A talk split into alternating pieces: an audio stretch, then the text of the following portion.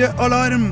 Om bare noen dager, mine venner, så starter Formel 1-sesongen 2023. Med fersk testing i huet destillerer lyden av curbs det som skjedde denne helgen, og ser fram mot årets første løp i Bahrain.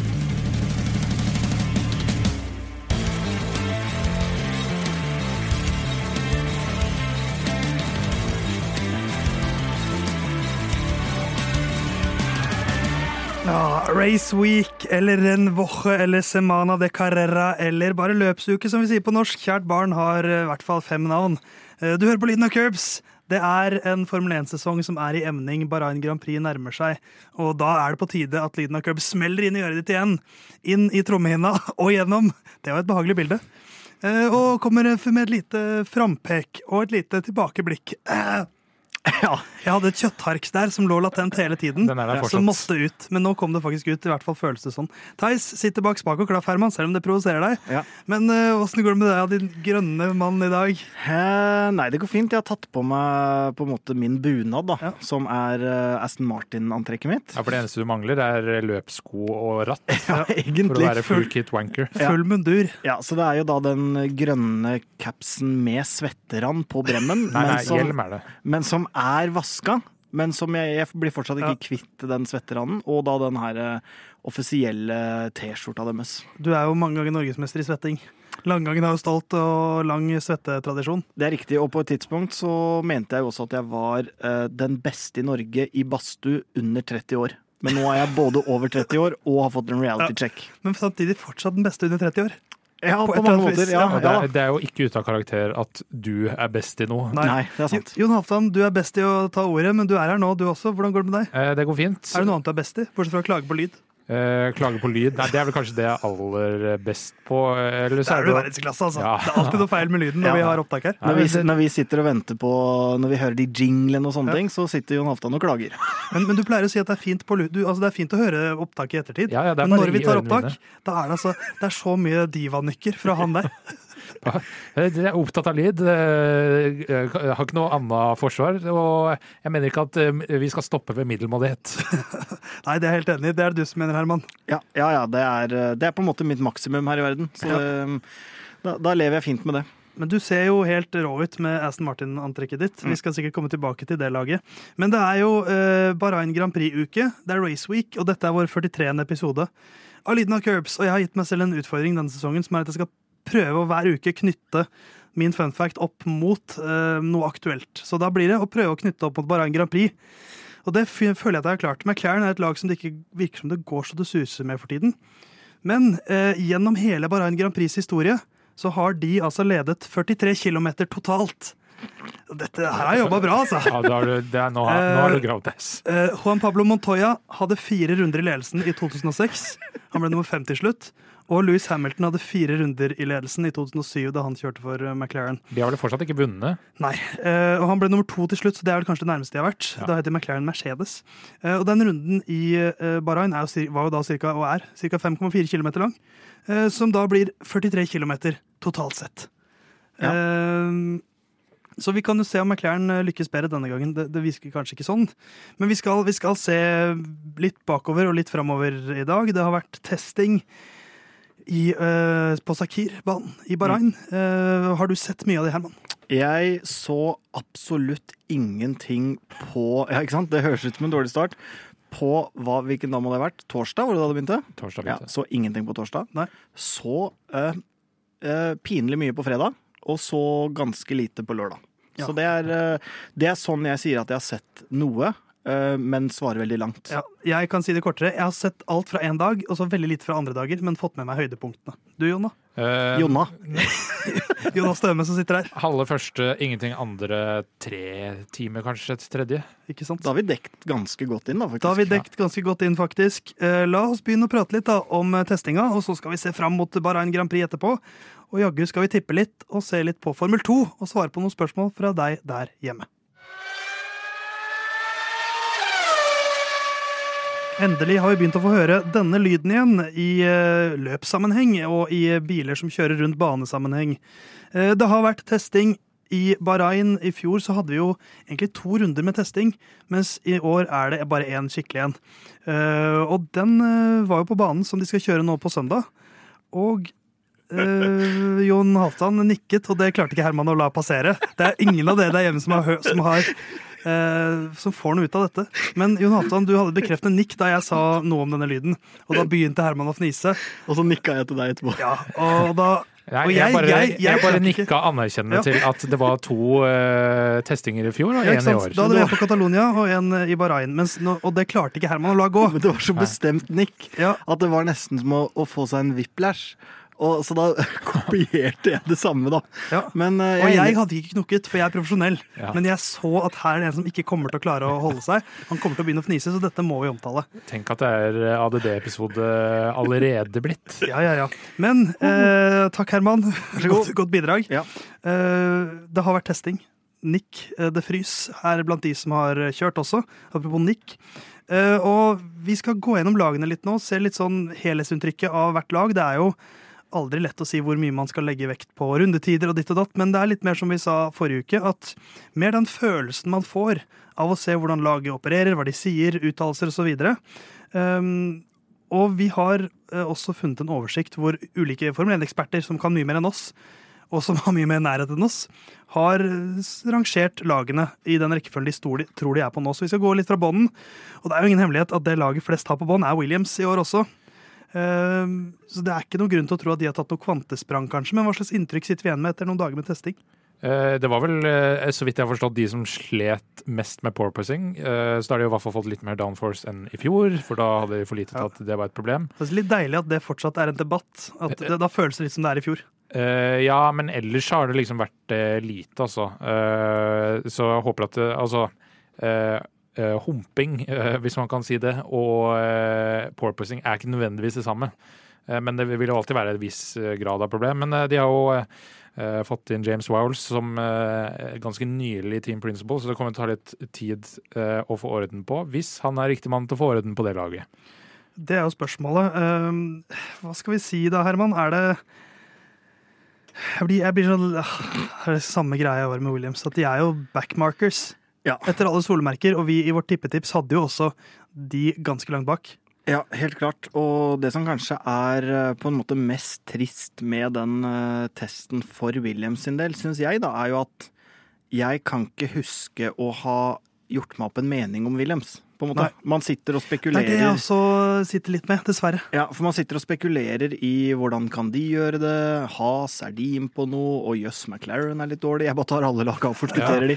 Men, men man sitter og gjør seg opp noen tanker, og oi, var det, er det en svakhet der, alt det her. Men Williams, det er bare sånn man, man gir litt beng, rett og slett, Ja. og det er trist. Og det er litt eh, sånn Red Bull virker å være med Alfa Tauri også nå. Det går noen rykter om at de gir litt beng i Alfa Tauri, nye eiere, som mener at eh, kanskje koster det litt mye å ha to Formel 1-lag, kanskje holder det med ett.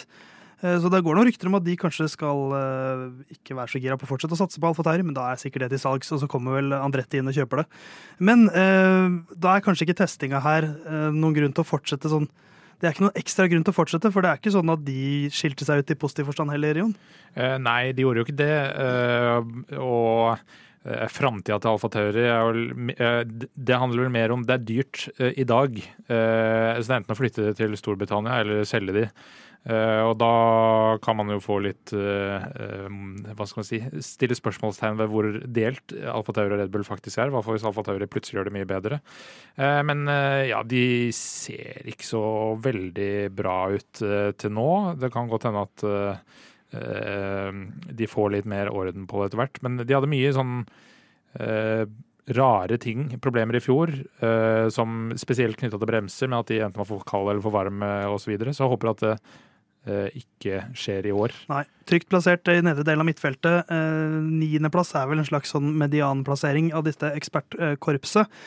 Eh, og så er det to lag som er litt jevne blant disse ekspertene, men jeg tenkte at vi kan si at vi tar McLaren nå. For eh, det, det er ikke positiv utvikling i det laget. altså. Zac Brown har stagnert. Ja, det er For trist. dette var, ganske, det var egentlig ganske depressivt å følge McLaren. Altså, det ser jo ut Når de sier de var eh, lavmælte ved sesonglanseringa, eh, eller da de lanserte bilen, og sier at de har missa utviklingsmilepæler nå under testinga, og hadde også noe hva er det, eh, Wheelbrow kaller de det her eh, som er over frontdekka. Skal vi kalle det dekkbryn, kanskje? Ja. Det var et av de som de måtte bruke mye tid på å feste, så de mista tid eh, på det igjen, knytta til noe bremsesurr. Eh, Så eh, ja. eh, Jeg tror det, det kan se ut som at best of the rest-posisjonen til Landon Norris kan bli tøff for ham. Ja. Og så, er det, og så skal vi ha det i mente at, at på denne rangeringen så er det ingen lag det spriker mer med enn McLaren. Eh, De fleste, er liksom, de fleste ekspertene har egentlig alle lagene innen to lag, på en måte. Noen tipper femteplass, noen tipper sjetteplass osv. Mens uh, McLaren Men de har jo da aldri noe bedre enn sjuendeplass, og noen tipper dem på sisteplass, til og med. Mm. Will Buxton og Lawrence Beretto. Uh, Will Buxton, kjent fra Drive to Survive, jobber for F1 TV. Lawrence Beretto også se der og F1 TV, F1.com osv. Så, videre. Ja. så det er jo store navn i journalistikken rundt Formel 1, og de har begge to McLaren på sisteplass, altså. Ja, det er jo Eh, Jeg føler det er, det er kanskje litt sånn reaksjonært, men det, det virker som det er liksom mye problemer. Så Mm. hvis det slår til store problemer i starten av sesongen, så plutselig så, så er de sist i starten. Ja, men det er, jo, det er jo ganske spektakulært at det i det hele tatt spås så langt nede. Da. Det er nettopp det. Eh, Så, og så er det jo en ting man ikke helt har med seg her. Selvfølgelig, Det er mye man ikke vet om, eh, om testinga, for man vet ikke hvor tung bilen har vært, hvor mye motorkraft de har hatt, alle de tinga der. Det er så mye ukjente faktorer. Ja, men, men det som er, eh, så, som er også man må ta litt med i beregninga, er jo f.eks. McLaren, som i hvert fall har vist at de klarer å bygge en bra bil i midtfeltet. Det er jo på en eller annen måte lærdom som jeg tenker at man må ha litt i bakhodet. Sånn at det kan godt hende de er Hvis de er dårligst nå, da, så kan det godt hende de kommer på femte sammenlagt for det. Ja. Så er det sånn, det er, ikke, det er ikke nødvendigvis så enkelt heller, men det kan samtidig være så tett der nede. Så det er jo litt samme, samme tankegang som er om Mercedes. Hvis de er på skuddhold, selv om de er ganske langt unna, så frykter man de litt fordi de har en bra track record med å, med å, å bli et bra lag. Da. Så, så jeg, jeg har mer trua på, på, en måte, på McLaren enn på Williams, hvis begge ligger helt i bånn uh, til å begynne med. Ja, jeg kan ikke se for meg at de havner sist. Jeg, jeg tror også man kan se seg litt blind på hva skal man, altså De legger lista høyere også. Mm. Når, når McLaren er skuffa og det er negative vibes der, så betyr ikke det at de er dårligst, det betyr bare at de er ikke der de vil være. Og de vil ikke være på fjerde, femte, sjetteplass, de vil være på podiet, de. Men at det er så mye spriking mellom eh, ja, de fire nederste laga, da, eh, tyder jo på at det kan bli bilmessig jevnt. Ja. Eh, Førermessig blant de fire her så har jo McLaren én fordel, i alle fall. I Landon Norris så er det jo spørsmål med de andre her, og hvor mye bak de er, hvis de i det hele tatt er noe bak. Så det, kan, det kan bli tøff sesong for Zac Brown. Eh, og jeg syns ikke det taler så veldig bra for det prosjektet hans. Han har fått veldig mange nye sponsorer inn, men bilen eh, virker å gå De når ikke mål underveis, så det tyder på litt sånn strukturelle problemer, da. Og han er jo først og fremst en businessmann, så han er kanskje god på å få inn backing, men da er spørsmålet hvem er det som egentlig er ansvarlig for å bygge denne bilen. Det er jo ikke Zack, men han er ansvarlig for hvem som har ansvaret for å bygge den bilen. Ja. For det er han bucken stopper på, som vi jo alle vet. Det får han fram tydelig. Eh, nå er vi på midt, midt, eh, midtfeltet her på mange måter. Med, der er det veldig jevnt mellom Alfa Romeo og Has. Så mye inntrykket i paddocken er at de to er ganske jevne der i sånn femte, sjette, altså sjette-sjuendeplass-sjiktet. Eh, Så det er jo Has som kanskje er de som er mest positive, da, ut ifra fra det vi har snakket om så, så langt. Ja, de, de viste jo et bra toppnivå i fjor. Det er ikke det typisk Has å være sånn Her- Her er vi gode fra start, og så Her, de, fader det så fort. de viste jo ikke noe bra toppnivå i fjor. Jo, de, vi- et bra toppnivå et, viste de jo, et, men et bra løp til Kevin Magnussen. Det var ja, bra. De hadde flaks Og en første po- og en løpet. Det er jo ikke et høyt Altså, Gunther Steiner driver og surrer rundt med det laget der. Det, Ja, det var eh, ikke noe høyt toppnivå på Has i fjor. ja, men hvis du sammenligner med de andre laga, Ja, Alfa Romeo ja. Hadde jo mye jevnere høyt Ja, nivå. de hadde Vi- vi- vi jevnere kan- høyt nivå. Men vi kan si at Has hadde høyere topper. Men de hadde Ja. ikke det høyeste nivået. Nei, Nei, det kan jeg For det var en pole position der. Det var liksom, altså de, de emosjonelle toppene Ja, var høyere enn flaks. prestasjonsnivået. Begge deler var flaks, altså. Ja, ja, jeg er gæren. Jeg er helt med på den, Jon. Men, men de, allikevel så var de um, De tok et stort steg i retning av å være det Has skal være, i min bok, i fjor. For de, de kunne liksom kapitulere Kanskje ikke kapitulere, men kapitalisere på noen muligheter. Og det er der man ønsker Has. Man øn jeg tenker at Has skal ligge der og gjøre de mest dristige valga på en kvalik. De skal, de skal hele tida liksom prøve å maksimere et resultat, men da må de ha en viss bil. Og kanskje har de tatt et steg i riktig retning av å enda oftere kunne være i de mulighetene. Da. Eh, Og da må du ha flaks, men, eh, men det er da Has skal skinne. Det er da Has skal skinne. eh, ja, altså hvis Alfa Romeo og Haas er jevne, men Alfa Romeo litt foran i starten av sesongen, eh, så vil Alfa Romeo være litt foran i slutten av sesongen òg. For ingen av de to utvikler Nei. bilen noe særlig bra underveis. Eh, og mitt take på Haas i fjor var at i fjor bestemte de seg for at de skulle være med i Formel 1 igjen. Eh, og da endte de opp på Nå husker jeg ikke konstruktørposisjon, det var vel niende? Niende, tror jeg. Eh, nei, det var åttende, var det. Åttende. På grunn av den eh, femteplassen til Kevin. Ja, over Alfa Tauri. Stemmer. Eh, syns, eh, ikke, syns ofte at de eh, svømmer på veldig dypt vann eh, gjennom hele sesongen, spesielt når de får problemer. Det kan være at det er bedre når ikke Mick eh, herper alle bilene deres, men eh, vi får se. Vi får si som Dory i Finding Nemo, fortsette å svømme. Ja. eh, Og så skal vi fortsette å prate om Formel 1-lagene. Vi tar øvre halvdel straks.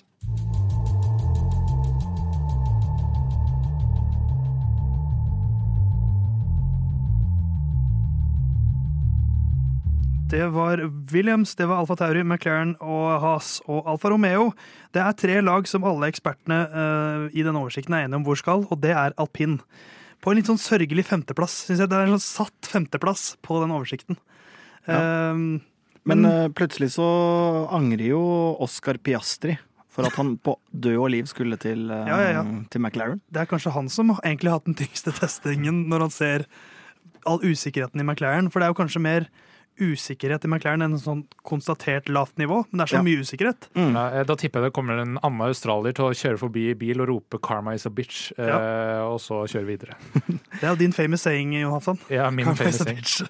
Men ja, det også er jo et, eh, et poeng, og det så jeg på Twitter, at uh, Ricardo får jo ganske mange millioner dollar fordi den kontrakten blei terminert. Og det er da noen som spekulerer i at eh, han da nå får mange, mange millioner for å ikke kjøre den dårligste bilen på griden. Som, eh, som er et litt artig poeng.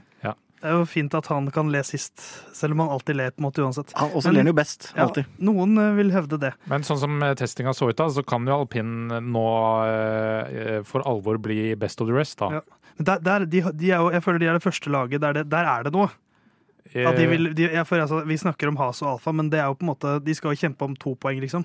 ja, kan- Stort sett. Her har vi et lag som kan snuble inn på podiet av og til. Ja, det kan godt hende at det er eh, bedre, fordi de viste jo ikke så mye pace. De endte vel på noe sånn syvendeplass eller noe totalt sett i testinga, eh, altså rundetidsmessig. Men eh, at de har en del eh, At de kanskje har vært av de som har sandbaga mest. Eh, ufrivillig, da.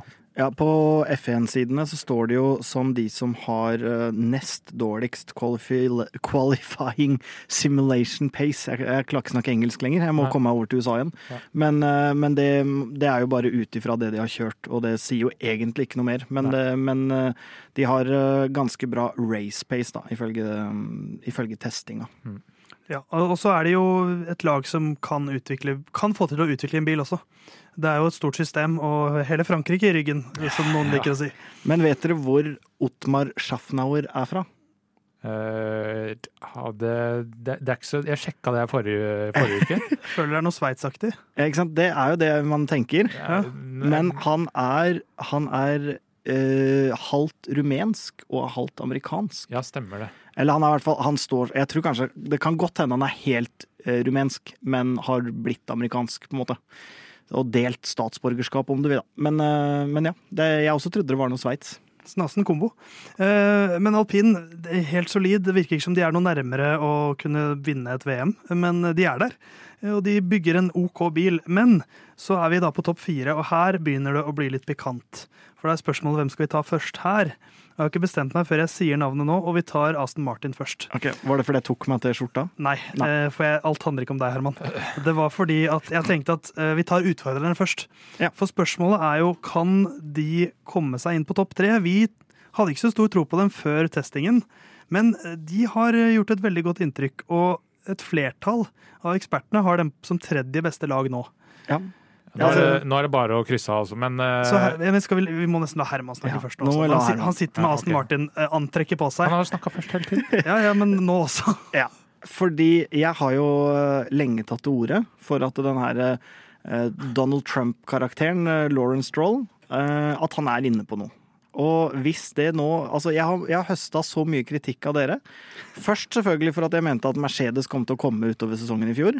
Eh, og ganske mye før de gjorde. Og også fordi jeg har ment at Aston Martin har noe på gang. Og nå Jeg støtta deg i at Mercedes skulle komme. Ja, ja da. Det ikke jeg. Men ikke så tidlig. Jeg, altså, Jo da, Ja, var, du var like dum? jeg var helt med fra start. jeg. Ja, Da er det bare det her og oppfatningen av George Russell vi er sterkt uenige i, da, vi to. Men, men uansett, uansett så er det jo det er så mye penger inni det. Det er en, eh, en eh, vellykka businessmann. Han har eh, sønnen sin han vil gjøre det beste for. Jeg, jeg har klokketro på at de kan klare det. Eh, Men jeg hadde At de kan klare hva? at de kan klare å, å sjokkere litt. At de kan eh, få noen resultater, om det er tredjeplass i konstruktørmesterskapet, fjerde, om det er en eller to vil være en enorm bragd, syns jeg. ja, Om det er en eller to race wins. Det kan, det kan være mye. Men jeg hadde ikke trodd at de skulle være der allerede. For de har jo også sjøl, med de store ambisjonene, eh, også vært klar på at eh, covid har, eh, har jo egentlig forsinka hele prosessen. Så jeg hadde ikke trodd de skulle være der nå, men det Selv kan om du ikke har snakket om annet enn det. At de kommer nå. Nei, men, men det er jo fortsatt Da er jo spørsmålet, Jon. Har dette Aston Martin-treet vokst inn i himmelen nå, eller er dette testingresultater hvor de har sett bra ut, men, men man, kanskje man eskalerer litt hvor bra de ser ut, og så tar man litt av når Mercedes ikke får det helt til. Eh, ja, altså det Og så vet vi egentlig ingenting. Nei, det, det er jo ikke sånn veldig lett å si uh, hva som er hva. Eh, jeg uh, nevnte jo at uh, Red Bulls tidligere aerosjef Dan Fellows uh, ble med Aston Martin og har vært med å utvikle denne bilen. Da beskyldte Herman meg for å gi creden til Red Bull. Eh, hvis det skulle gå bedre Ikke med lett, Jon. Det ikke lett. ut, det hørtes ut som meg. Eh, og da er det bare å krysse av i, uh, i bingokortet. Men eh, i 2012-sesongen så kjørte er. Fernando Alonso en ræva Ferrari, men han dro den opp til uh, løpsseire og eh, var generelt vanskelig gjennom sesongen. Eh, hvis han nå har en eh, Aston Martin som er i nærheten, eh, om enn ti år eldre, så er det muligheter. Ja, og det våkner en slags ild i han når han har en litt bedre biltrøye. Når når han vet at her, her snuser jeg på en eller annen podieplassering, her kan jeg kanskje vinne et løp. Da tror jeg han blir enda bedre. Men, men gjennom sesongen da, så tror jeg Mercedes kommer til å utvikle seg ut av den eh, fjerdeplassen. sannsynligvis. Jo, det blir den stemmen i år. At Nei, Mercedes skal komme Bare at han sier de skal utvikle seg ut av fjerdeplassen, ikke Nei. de skal vinne alt. Eh, Ja, men det kommer de ikke til å gjøre denne sesongen. her. Nei, ikke sånn det ser ut eh, nå. Eh, Aston Martin ser ut til å ha race pace som er litt bedre enn Mercedes, og kvalifiseringstempo som er omtrent likt. Eh, Men hvis eh, de skal maksimere poengene sine, eh, Aston Martin, så må de ikke rote i starten av sesongen. Fordi det er nå mulighetene for å ta poeng over Mercedes R. Digg at eh, en av førerne deres har knukket håndleddene, da, kanskje. Ja, han har rota det til. Ja, Lance Stroll er det jo fortsatt usikkert om skal kjøre til helgen, men det gikk jo litt rykter om at Sebastian Fettel skulle tilbake. Nå har jo Aston Martin sagt at hvis Stroll ikke kjører, så kjører Felipe Drogovic. Så plutselig er det Drogovic som snubler inn på podiet. Eh, Ja. Og hvis ryktene om at ett til to håndledd er eh, brukket, eh, så syns jeg at Drugovic burde kjøre den bilen. Ja. Altså. Ja, det syns jo selvsagt vi, Jon. Vi syns at han burde kjøre veldig lenge. Ja, dere syns sikkert han burde bare fortsette å kjøre òg, Jeg men ja. egentlig bare, altså, det er litt sånn som når en hest knekker en, en, en fot, det er bare å avlive den. Ja. Det ville jeg kanskje gjort med Med så- Karrieren til Ja. Stroll. Men det er, ja, for jeg er jo litt uh, delt, da, for jeg har jo hatt uh, lange, gode dialoger med, med Lance Ja. Stroll. Ikke nå i det siste, riktignok, men, uh, men jeg har hatt lange passiarer med han tidligere.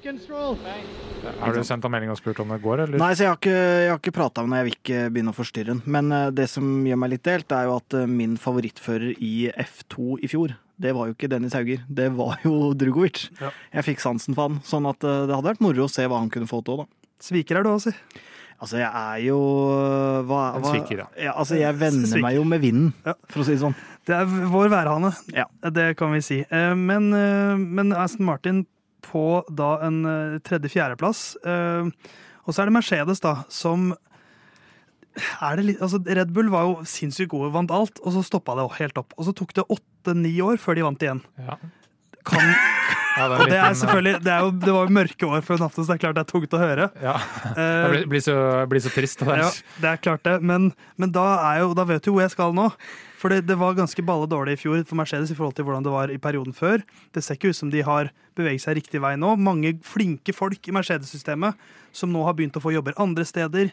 Eh, Ja. Som liksom har gått opp i gradene i jobb, men da har gått i andre lag. Er imperiet over? Ja, Eller er det altfor tidlig å si noe?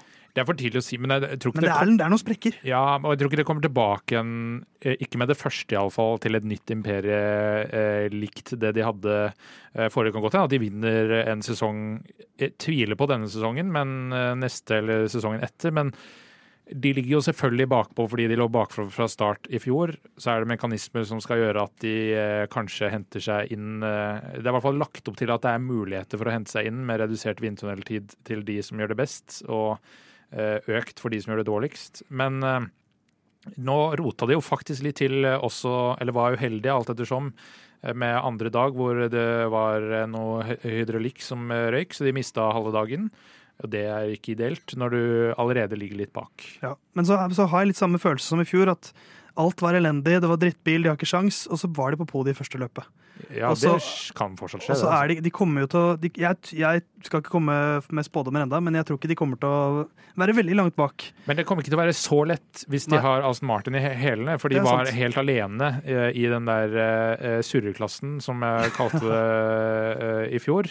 Uh, og hvis de nå har selskap der, så er det ikke gitt at ryker en av de første, så blir det automatisk podium. Men, men det, når det gjelder Mercedes, så føler jeg jo at man kan nesten bryte det ned til at enten nå så får de liksom Så, har de treft og begynner å, å spise innpå og blir, om så ikke eh, nummer én eller nummer to, men at de er veldig tett på når, når sesongen avsluttes. Eller så har de jo på en måte falt litt for eget grep og vært litt for stolte, blant annet med det her sidepods-greiene, selv om de de sier jo at det er det siste de ser på når de utvikler bil og justerer ting. Så, så mener de at det, det zero pods-konseptet det er ikke et problem. Men altså, enten så har de jo på en måte vært litt for stolte og for sta, siden de er de eneste som har en bil som ser ut som den gjør. Eller så har de jo funnet riktig vei, da. Jeg føler ikke at det er noen mellomting nå. Så er det jo litt sånn Jeg, jeg syns det er vanskelig å, å skulle bette imot Louis Hamilton og Toto Wolff i sånn altfor mange år. Altså,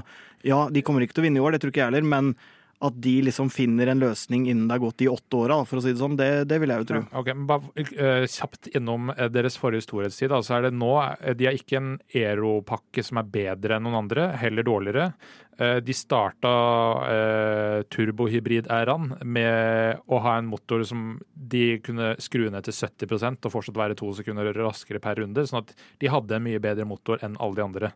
Det har de ikke lenger. Uh, men, men det tok seks-syv år før de andre motorene var likt. Nå er det fryst. Alle har omtrent like motorer.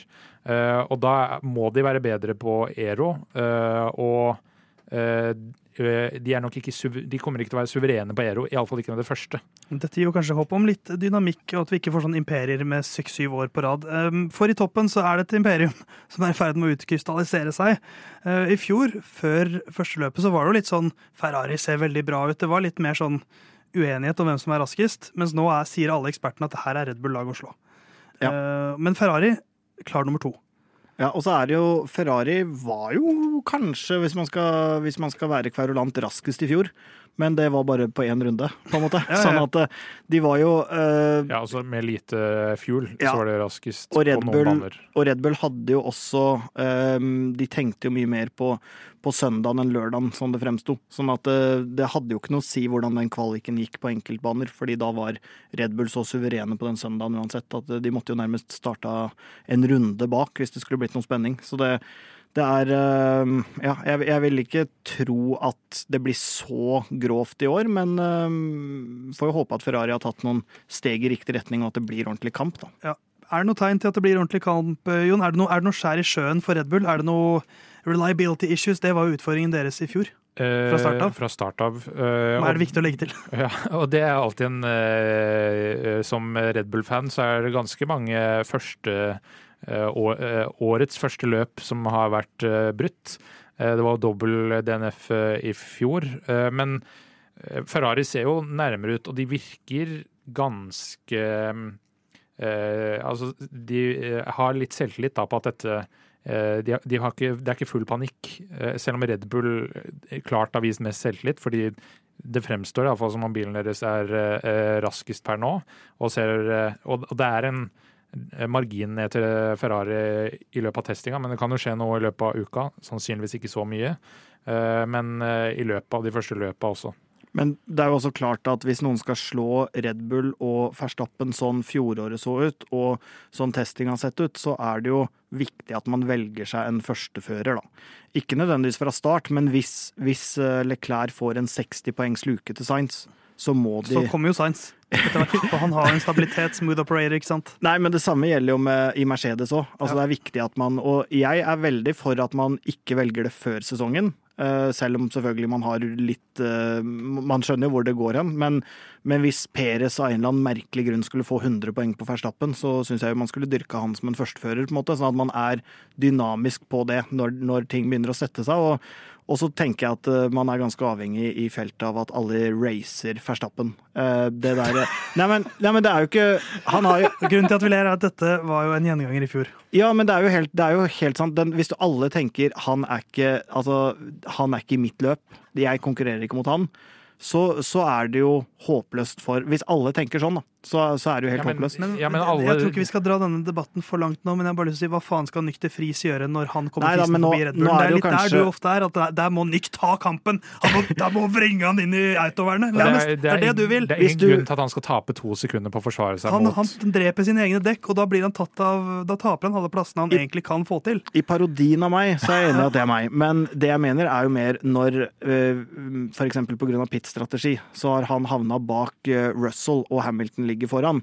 Så mener jeg at Russell må da ta den kampen. Hvis Verstappen vil på en måte risikere å kjøre ut eller kjøre i han, Ja, men så må Russell de er jo noe helt annet. For, ja, men det er jo det jeg mener. da. Jeg mener jo ikke at, jeg mener jo ikke at øh, Williams-gutta skal ta opp kampen mot for det var nesten der du var, var i fjor, altså. Ja, men de trenger ikke gi noe gratis heller, Og dette er, ikke, dette er ikke fotball hvor et lag fra andredivisjon kan vinne cupen.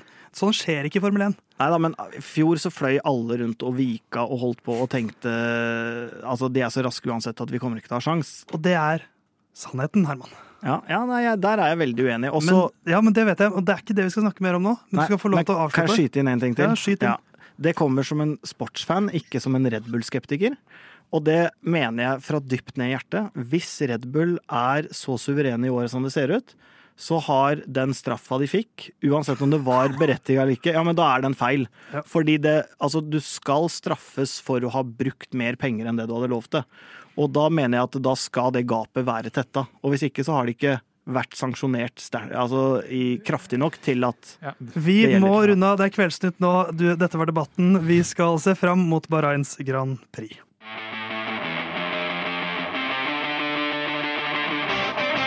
Semana de Carrera, det er Race Week, og det er Bahrain Grand Prix som skal kjøres rundt på. Og da, for første gang i 2023, kjære Jon Halvdan Halvorsen som sitter ved min side, ikke bak spak og klaff, men ved min side, kan ikke du dra oss gjennom denne banen, Sakir? Eh, jo, det kan jeg jo da gjøre. Det blir jo ganske likt som eh, i fjor. Eh, 5412 meter fordelt på 14 svinger.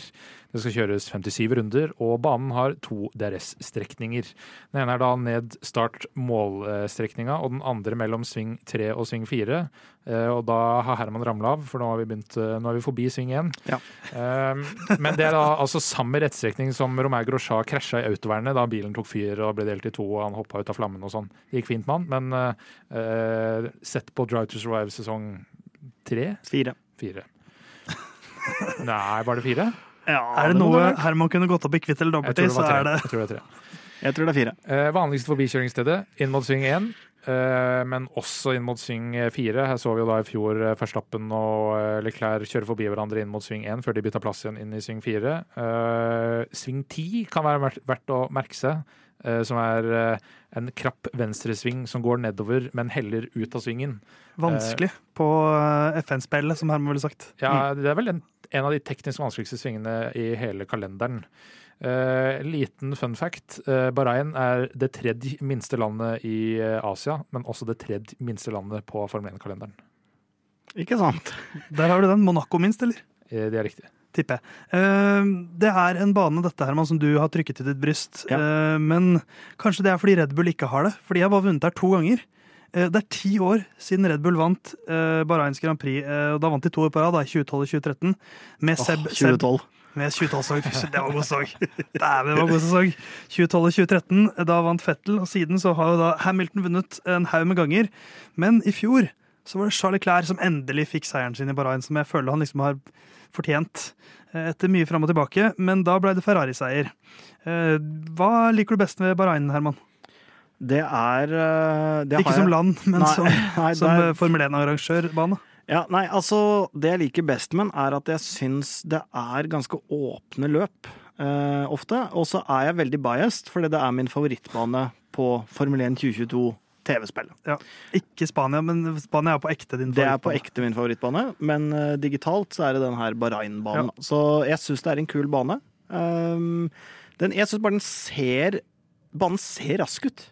Og så er det litt vanskelig å forklare akkurat hvorfor, men jeg, det er noe med skinnet i asfalten, og det er hele pakka. Så jeg, Jeg, jeg liker den. jeg tror jo at man blir litt partisk, fordi at her det, Bahrain har etablert seg nå som en season opener. Eh, Før var det Australia, nå har liksom Bahrain tatt litt over.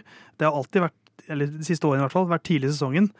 Og når det er tidlig i sesongen, så er det alltid spennende. Ja.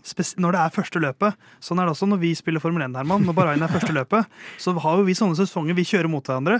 Herman er den som er eh, soleklart tynnest rent mentalt. Eh, så hvis det går dårlig i to-tre løp, så dør han helt. Ja, det er egentlig Men hvis det går dårlig i da, Bahrain. Når det da er sesongstart Ja. i Bahrain, før start her, så tenker du at du har alle muligheter. Ja. Sånn som vi tenker før sesongstart. Så jeg tror man også er litt partisk. og Det er derfor jeg liker Bahrain jeg også. Fordi at det er greit, det er en kul bane, kanskje sånn objektivt sett også, men emosjonelt sett så har den veldig mye som taler for seg. Ja, og det er noe med flomlyset da, som funker, eh, Funker som faen, bedre på denne banen enn kanskje Singapore og eh, eh, Saudi-Arabia. Fordi det er så åpent rundt. Og så er det mulig å kjøre forbi, men det kunne vært Mange steder på banen òg. Ja, to-tre steder. Det er bedre enn de fleste baner. Det er riktig. Vanligvis er det bare ett, eh, Ja. hvis det er det i det hele tatt. Eh, og de kunne jo gjort noe med sistesvingen så den ble litt krappere, så hadde man hatt et forbikjøringssted til, men da hadde det bare vært en eh, litt bua U. Eh, så ja. eh, Den leverer ofte bra, eh, og ofte er det en del eh, DNFs, så det kan være litt spennende så lenge det ikke er Red Bull. Vi krysser fingrene for det. Eh, at alle, Jeg håper alle laga en bil som ikke fullfører. For jeg er opptatt av likestilling. Ja. så ti biler skal fullføre, så at alle lag får poeng også fra start. Det hadde vært hyggelig. Men eh, litt mer om hva vi håper og hva vi gleder oss til. Eh, tre ting vi gleder oss til eh, denne helgen.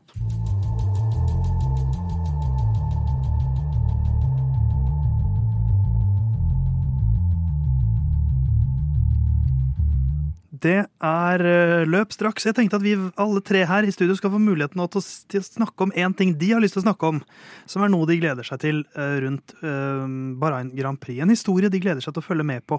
Så Herman, jeg tenkte at du skulle få begynne. Ja, min, min historie går jo på en av min Ja, jeg har vel sånn ca. 19 favorittførere i Formel 1. Eh, og da er det, det er Nico Hulkenberg. Hulkenberg. jeg syns det er en historie å få med seg. Jeg har sett de fem første episodene av Drive to Survive. Eh, og der, sånn det fremstår, så Sesong er én, liksom. Uh, Eller eh, den som går nå. Den som går nå. Ja. Sesong fem. Fem første episodene, sesong fem. Og der uh, begynner jo Gynter å snakke om sånn Ja, men det går ikke lenger med Mick. Han ødelegger bilen for mye. Det går Spoil, ikke lenger. spoil.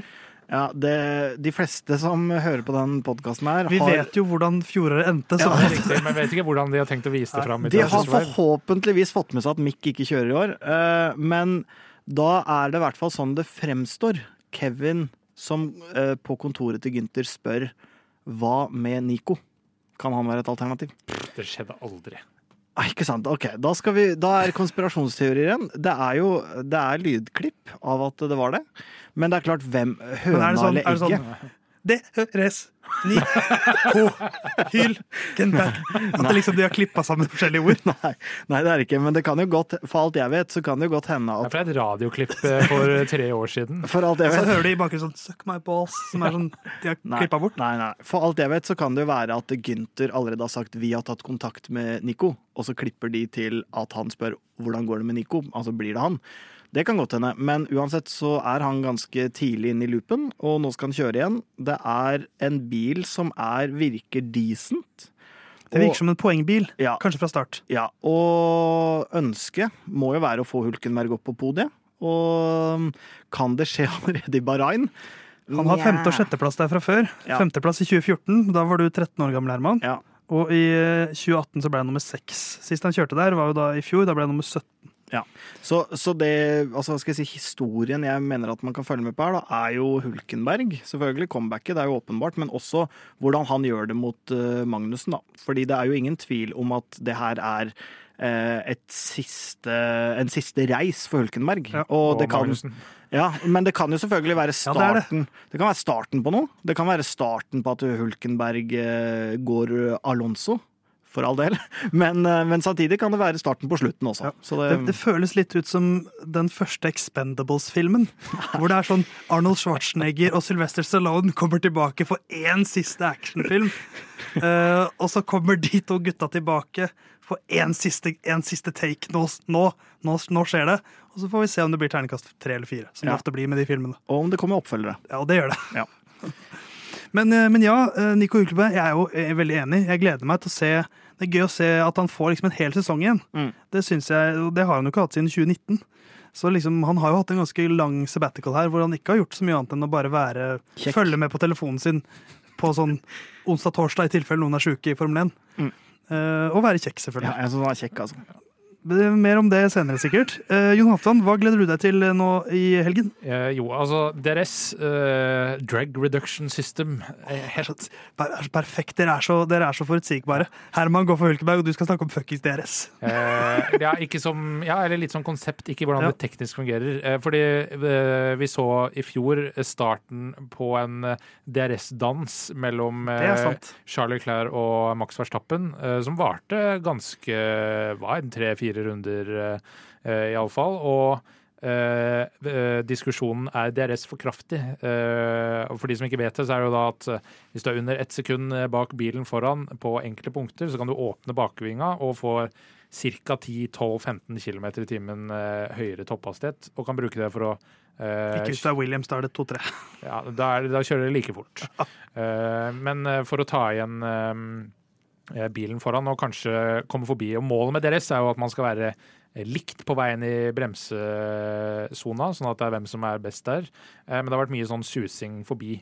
Eh, og det var det jo også på Bahrain eh, i fjor, at eh, Verstappen og Leclerc var likt på veien i bremsa, eh, bremsesonen til sving 1.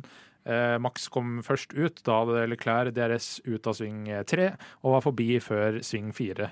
Eh, Så eh, jeg er litt spent på å se om det blir en eh, repeat på det, eller om man har klart å justere DRS til denne sesongen. Som aldri blir en perfekt løsning på et problem, men kanskje litt bedre. Ja, og sånn som det funka i Bahrain i fjor, syns jeg. Der, der syns jeg også Bahrain sin fordel som season opener kommer, at når de begynner med den dansen, som du jo riktig beskriver det som, så sitter man jo og drømmer om at herregud, er det sånn det blir i år?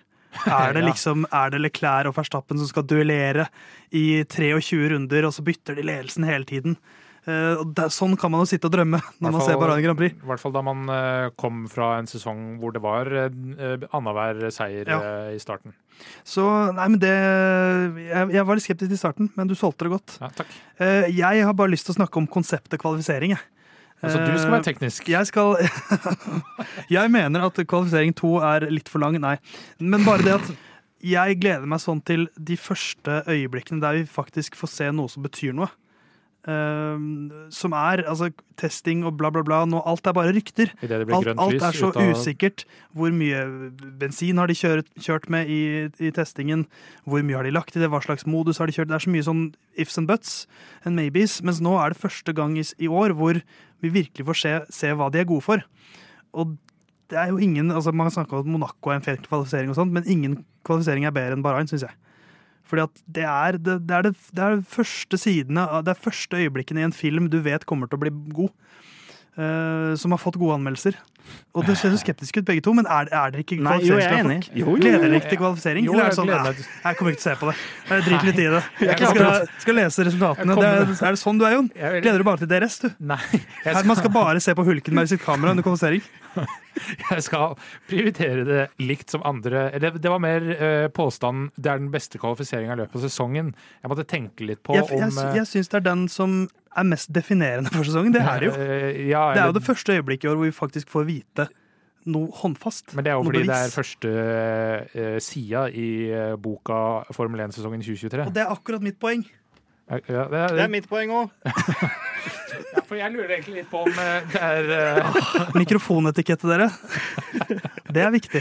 Ja. Nei, jeg, jeg, kan, jeg kan kjøpe det. Jeg klarte bare ikke speile engasjementet ditt. Nei. Og det beklager jeg. Jeg skulle solgt inn som en Hulkenberg-kvalifisering. Se for dere. En kjekk tysker. Sitter i bilen, klar for å kjøre sin første ordentlige kvalifisering på tre år.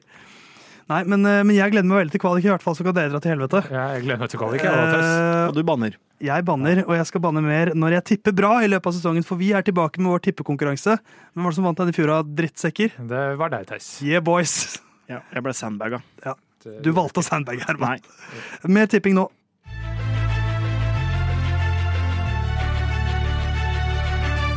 Også i år så skal eh, redaksjonen uh, duellere, eller triellere, som det egentlig heter når det er tre stykker som gjør det, eh, i å tippe så bra som mulig. Vi skal tippe topp tre til hvert eneste løp i år. Og vi skal også da tippe det som fortsatt er hjertet i dette, denne delen av programmet vårt, nemlig Ukens sjuking, hvor vi prøver å forutse én sjuk ting som skal skje i løpet av løpshelgen. Eh, og så kan jeg bare gå gjennom poengsummene først, for i fjor så var vi kanskje litt for slemme med poengsum på Ukens sjuking, for vi føler det er der krediten ligger, egentlig. For hvem kunne ikke gjette at Max Verstappen vant uh, løp, liksom? Uh, så i år så er det altså slik at du får tre poeng for å tippe rett fører på rett plass, på topp tre altså. Og ett poeng hvis du har en fører på topp tre, men istedenfor at han blir nummer to, som du tippa, så blir han nummer tre. Um, så du kan få ni poeng hvis du har uh, full pott da, på første, andre og tredjeplass. Men Ukens sjuking, som i fjor vel ga fem poeng, det gir i år 20 poeng. Oi, oi, oi. Wow, sjokkfaktor. Wow, wow, wow, wow. Så betyr jo det også at da kan man ikke ta noen feige løsninger på Ukens sjuking, for nå er det såpass verdifullt og gjevt at man, uh, da skal det være lite sannsynlig at det skjer uh, i løpet av helgesekken. Det, det, skal, det skal være sånn at hvis det skjer, så tenker du wow, det var sjukt. Det var ukens sjuking, ass, skal du tenke. Eh, så vi begynner med Bahrain Grand Prix, da. Eh, og da er det 0-0-0 som er poengsummen så langt. Mm. Eh, skal vi tippe vi, tar runden vår på topp tre først, og så tar vi ukens sjuking til slutt. Og så skal jeg begynne, kanskje, Du kan begynne. siden jeg er så godt i gang. Jeg, jeg Prater har og prater. jeg har, ja, ja, det er jo jobben min, si. Jeg tror Verstappen tar det Kjedelig tips, men jeg tror det blir Red Bulls første seier på ti år. Så sånn sett er det jo ikke Statistikken er ikke med an, som du ville sagt, Herman. Ja, det ville jeg sagt, faktisk. Ja. Foran Charles Leclerc eh, og Fernando Alonso.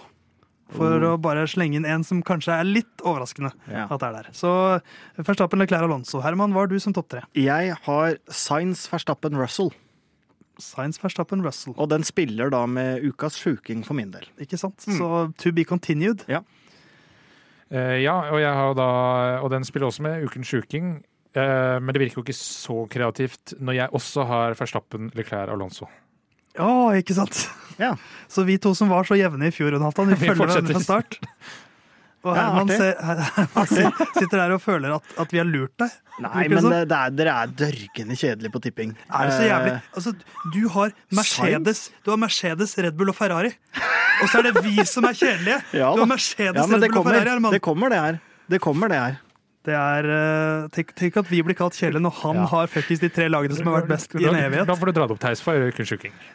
Det er mye nerver fra start. Det er mye arge følelser mellom en del lagkompiser, tror jeg. Så jeg har rett og slett at en fører tar ut sin lagkamerat, og det skjer to ganger. Som vil altså si at to forskjellige førere tar ut sin lagkamerat i løpet av, ehm, av Så egentlig da to førere tar ut sin lagkamerat. Ja. Men ikke, ikke samme hendelse, på en måte. Nei, nei. Det, skal være, det skal være to separate. Det skal ikke være sånn at det er en massekrasj, på en måte, og så ryker, to, altså og så ryker noen lagkamerater i hverandre. Eh, Men da er spørsmålet om den blir godkjent, da. For da, da be, Jeg vil jo ha to sånne typ Når, når, eh, når eh, Fettel og Leclerc kjørte sammen, når, eh, når eh, Ricardo og Verstappen kjørte i hverandre Det er jo sånne type situasjoner jeg spår skal, to, skal skje to ganger. Men er det sånn øh, Ja, vi var borte i sidepoden, så vi kjører til pit og må Nei, nei, bryte. Bilen må stoppe på banen. For det, dette har jeg også tenkt på at minst én av dem må DNF-e. Ja, men du kan ikke ta ut lagkameraten og så kan kjøre videre. Det Nei, må være dobbelt, Det må være DNF på, På begge to. Nei, ikke på begge to, Nei. men en, altså, ja, i hvert par må I, en i, av hvert, I hvert par må Ja. en av førerne bryte. Et, eh, så, så oppsummert uh, en, eh, To førere tar ut sine lagkamerater, og uh, to biler fullfører ikke da, av de, i de parene. Ja. Er den godkjent? Ja, den er godkjent for min Ja. del. Ja, for meg Du skjønner vel ikke hva jeg snakker om? Nei, jeg skjønner ikke etter når jeg snakker. Nei, nei men uh, jeg fikk et teknisk problem uh, midtveis. Litt deilig at uh, det ikke er jeg som har tekniske problemer her, for dette, dette filmer vi også. Ja, På ja. Du filmer nå med FaceTime-kamera på Mac-en? Nei.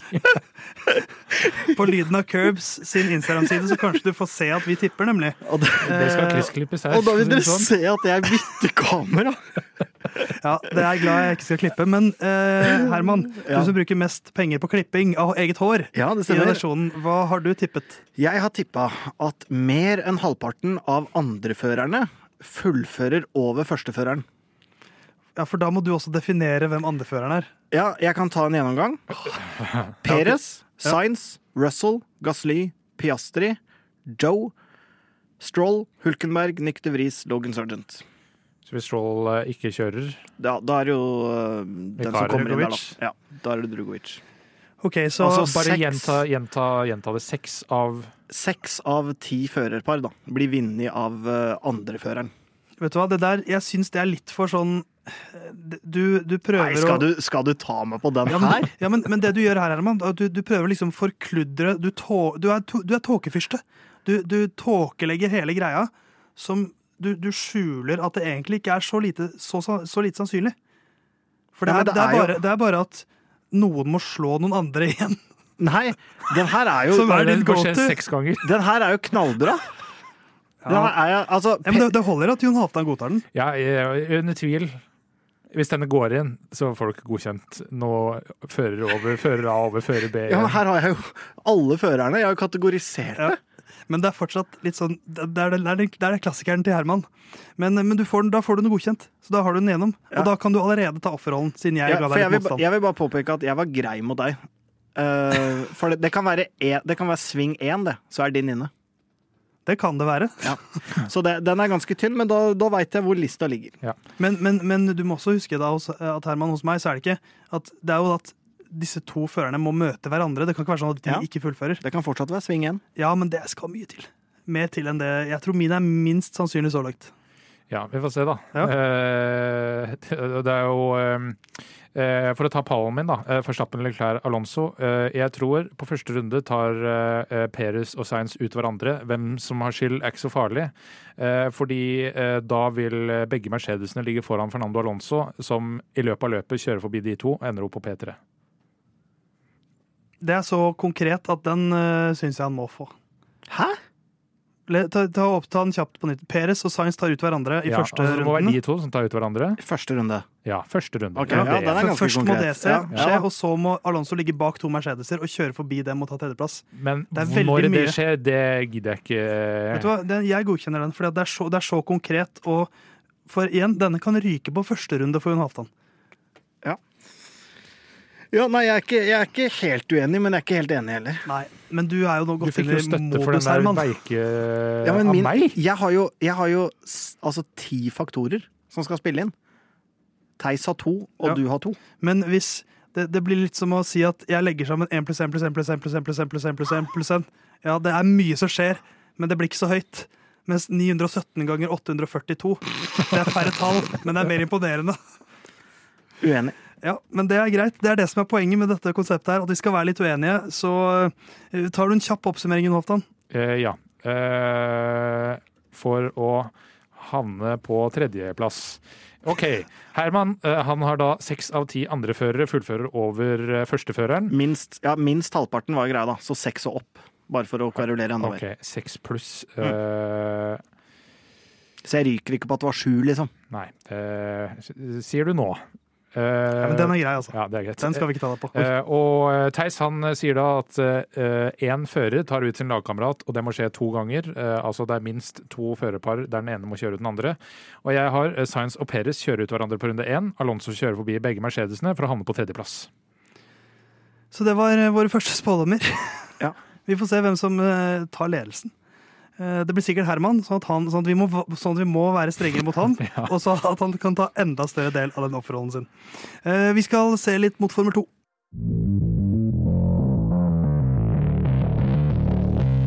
Mer bilmoro til helgen er det på et litt treigere nivå, for det er jo det det er eh, i Formel 2. Det går litt treigere der, men der har vi en nordmann med som vi er veldig spente på å se hva får til. Dennis Hauger kjører starter sin andre Formel 2-sesong. MP Motorsport skal han debutere for nå til helgen. De har eh, trening 3. mars, altså på fredag, og kvalifisering 17.30 på kvelden. Og så er det sprint 14.15 på lørdagen, og hovedløpet er 11.20 norsk tid, tror jeg, på søndag. Eh, han begynte med et smell i sin andre Formel 3-sesong. Da herjet han jo bokstavelig talt fra start. Han var jo best i alt første halvdel av, eh, Formel 3-sesongen sin der han vant.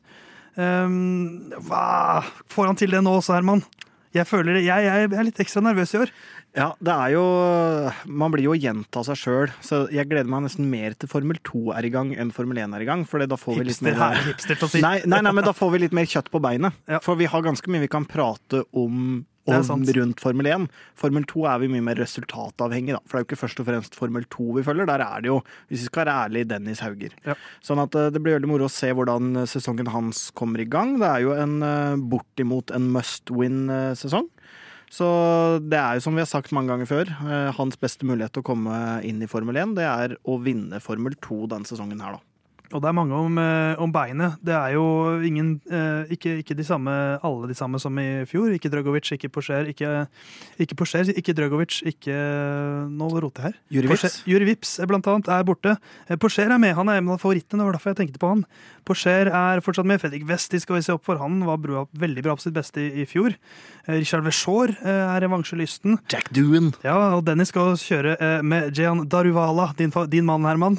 Ja, det var, det var jo det jeg, i forrige episode. Ja, han Eh, herja jo tidvis i fjor, ifølge deg. Det var mitt direkte sitat. Darwala herja tidvis, og da tenkte jeg selvfølgelig på Drugovic. Ja. Men uh, som vi også var innom sist, at uh, det er en veldig fortung sesong i Formel 2. Så det er bare å kline til fra start, Dennis, og så får vi se. Uh, han må ha poeng i begge løp. Han må være topp. Han må være på podiet i en av de første to løpene her. Altså. Ja, Hvis ikke det. så blir, begynner jeg å gråte, nesten. Jeg er veldig lettrørt, da. Jeg har jo en Formel 2-historie som er ganske tynn, men det er eh, da jeg var på, i, på Formel 1-løpet i, eh, i eh, Spania. Så sto jeg da rundt pit lane og sånne ting, for jeg hadde innpass der. Og da gikk alle de her Formel 2-førerne rundt omkring og var veldig sånn Det var lave skuldre, og de kjørte litt i noen golfbiler, og de bare gikk rundt og surra rundt, og var jo veldig langt unna noe stjernestatus. Så jeg har jo sett de fleste av de i levende livet, men jeg har ikke peiling på hvem av de. Nei, ikke sant? For det, det kunne jeg ikke kjent igjen. Nei. Eh, Dennis hadde du kjent igjen, kanskje. Dennis hadde jeg kjent igjen. Det får vi håpe at stadig flere gjør. Jeg så ikke Dennis. Vi sier lykke til til Dennis, eh, og så prater vi mer om hvordan det gikk. Forhåpentligvis om en seier, eller gjerne to.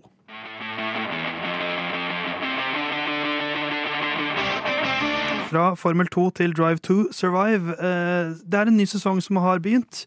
Eh, Vi skal neste uke komme med en spesialepisode om Ja. Drive to Survive. Hvor vi skal gå gjennom årets sesong, prate litt om hva vi liker, hva vi kanskje ikke liker, og hva, eh, for, hva Drive to Survive er eh, nå, hva det kanskje, kanskje bør være. Men Herman, Yep. du er den av oss som har begynt å se litt på det ennå, Yep. foreløpig.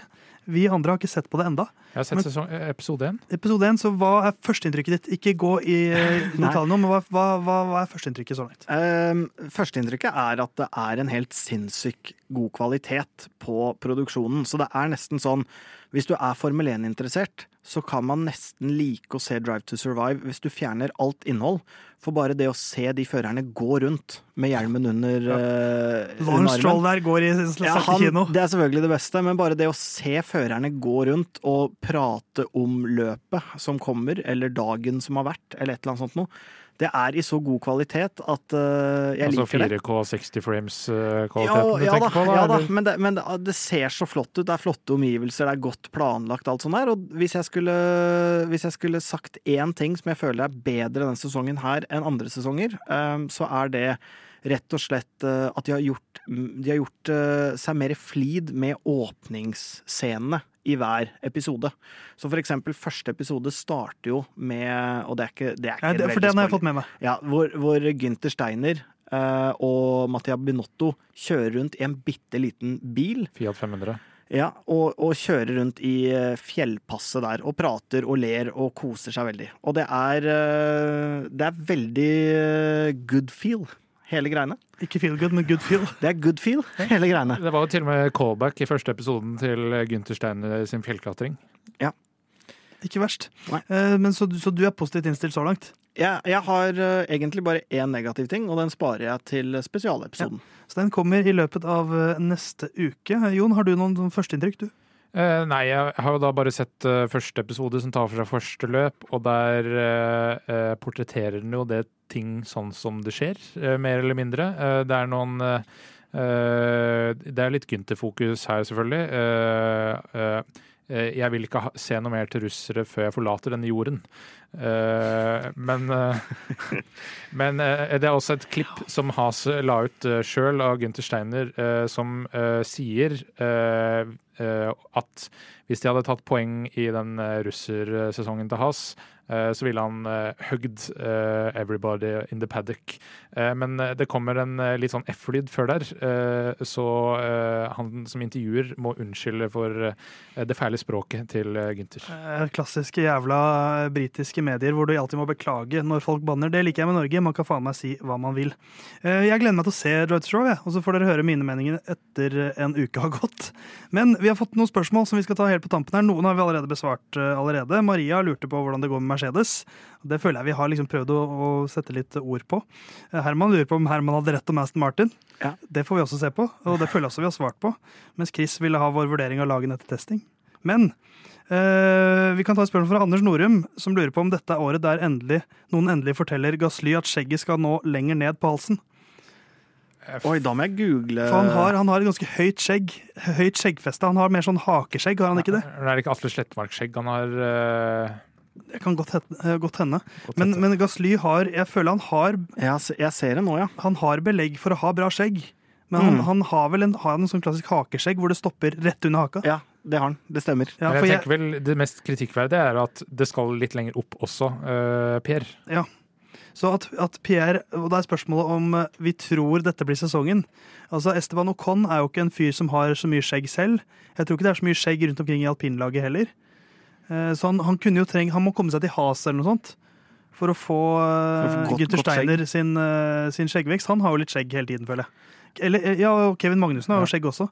Så jeg, jeg tror ikke det, eh, Anders, for han må til Has før han lærer seg det. Gasly er jo en blanding av på en måte særdeles kjekk Ja. og egentlig ikke kjekk i det hele tatt. Helt enig. Han, han er sånn, han, hvis han hadde sånn, vært med på et makeover-program, Ja. blitt dritkjekk. Ja, ja.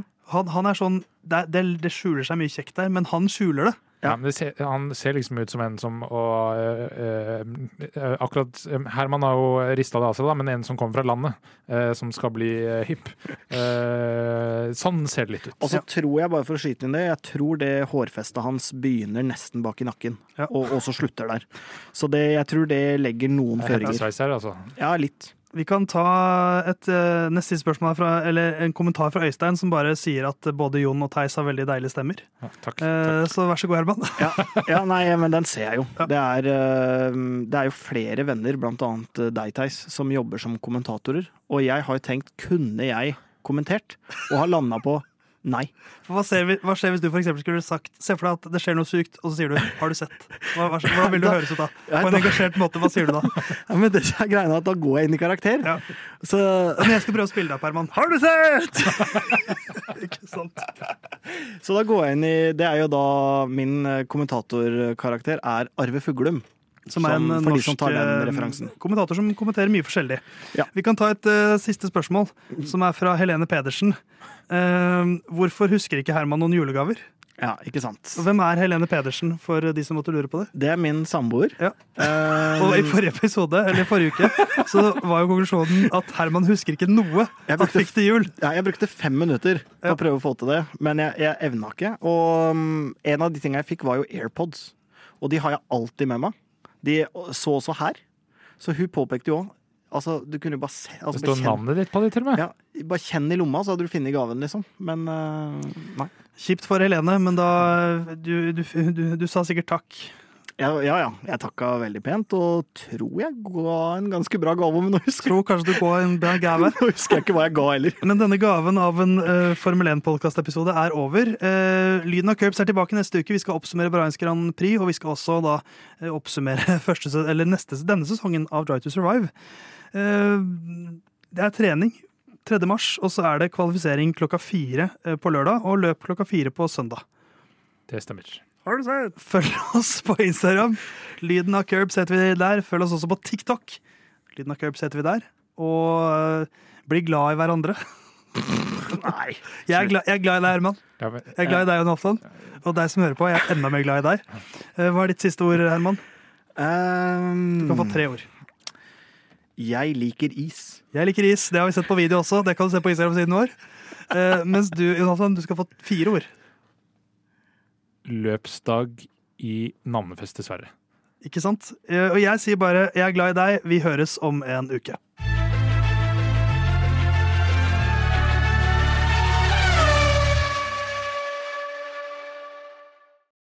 Good luck this weekend, Stroll. Thanks.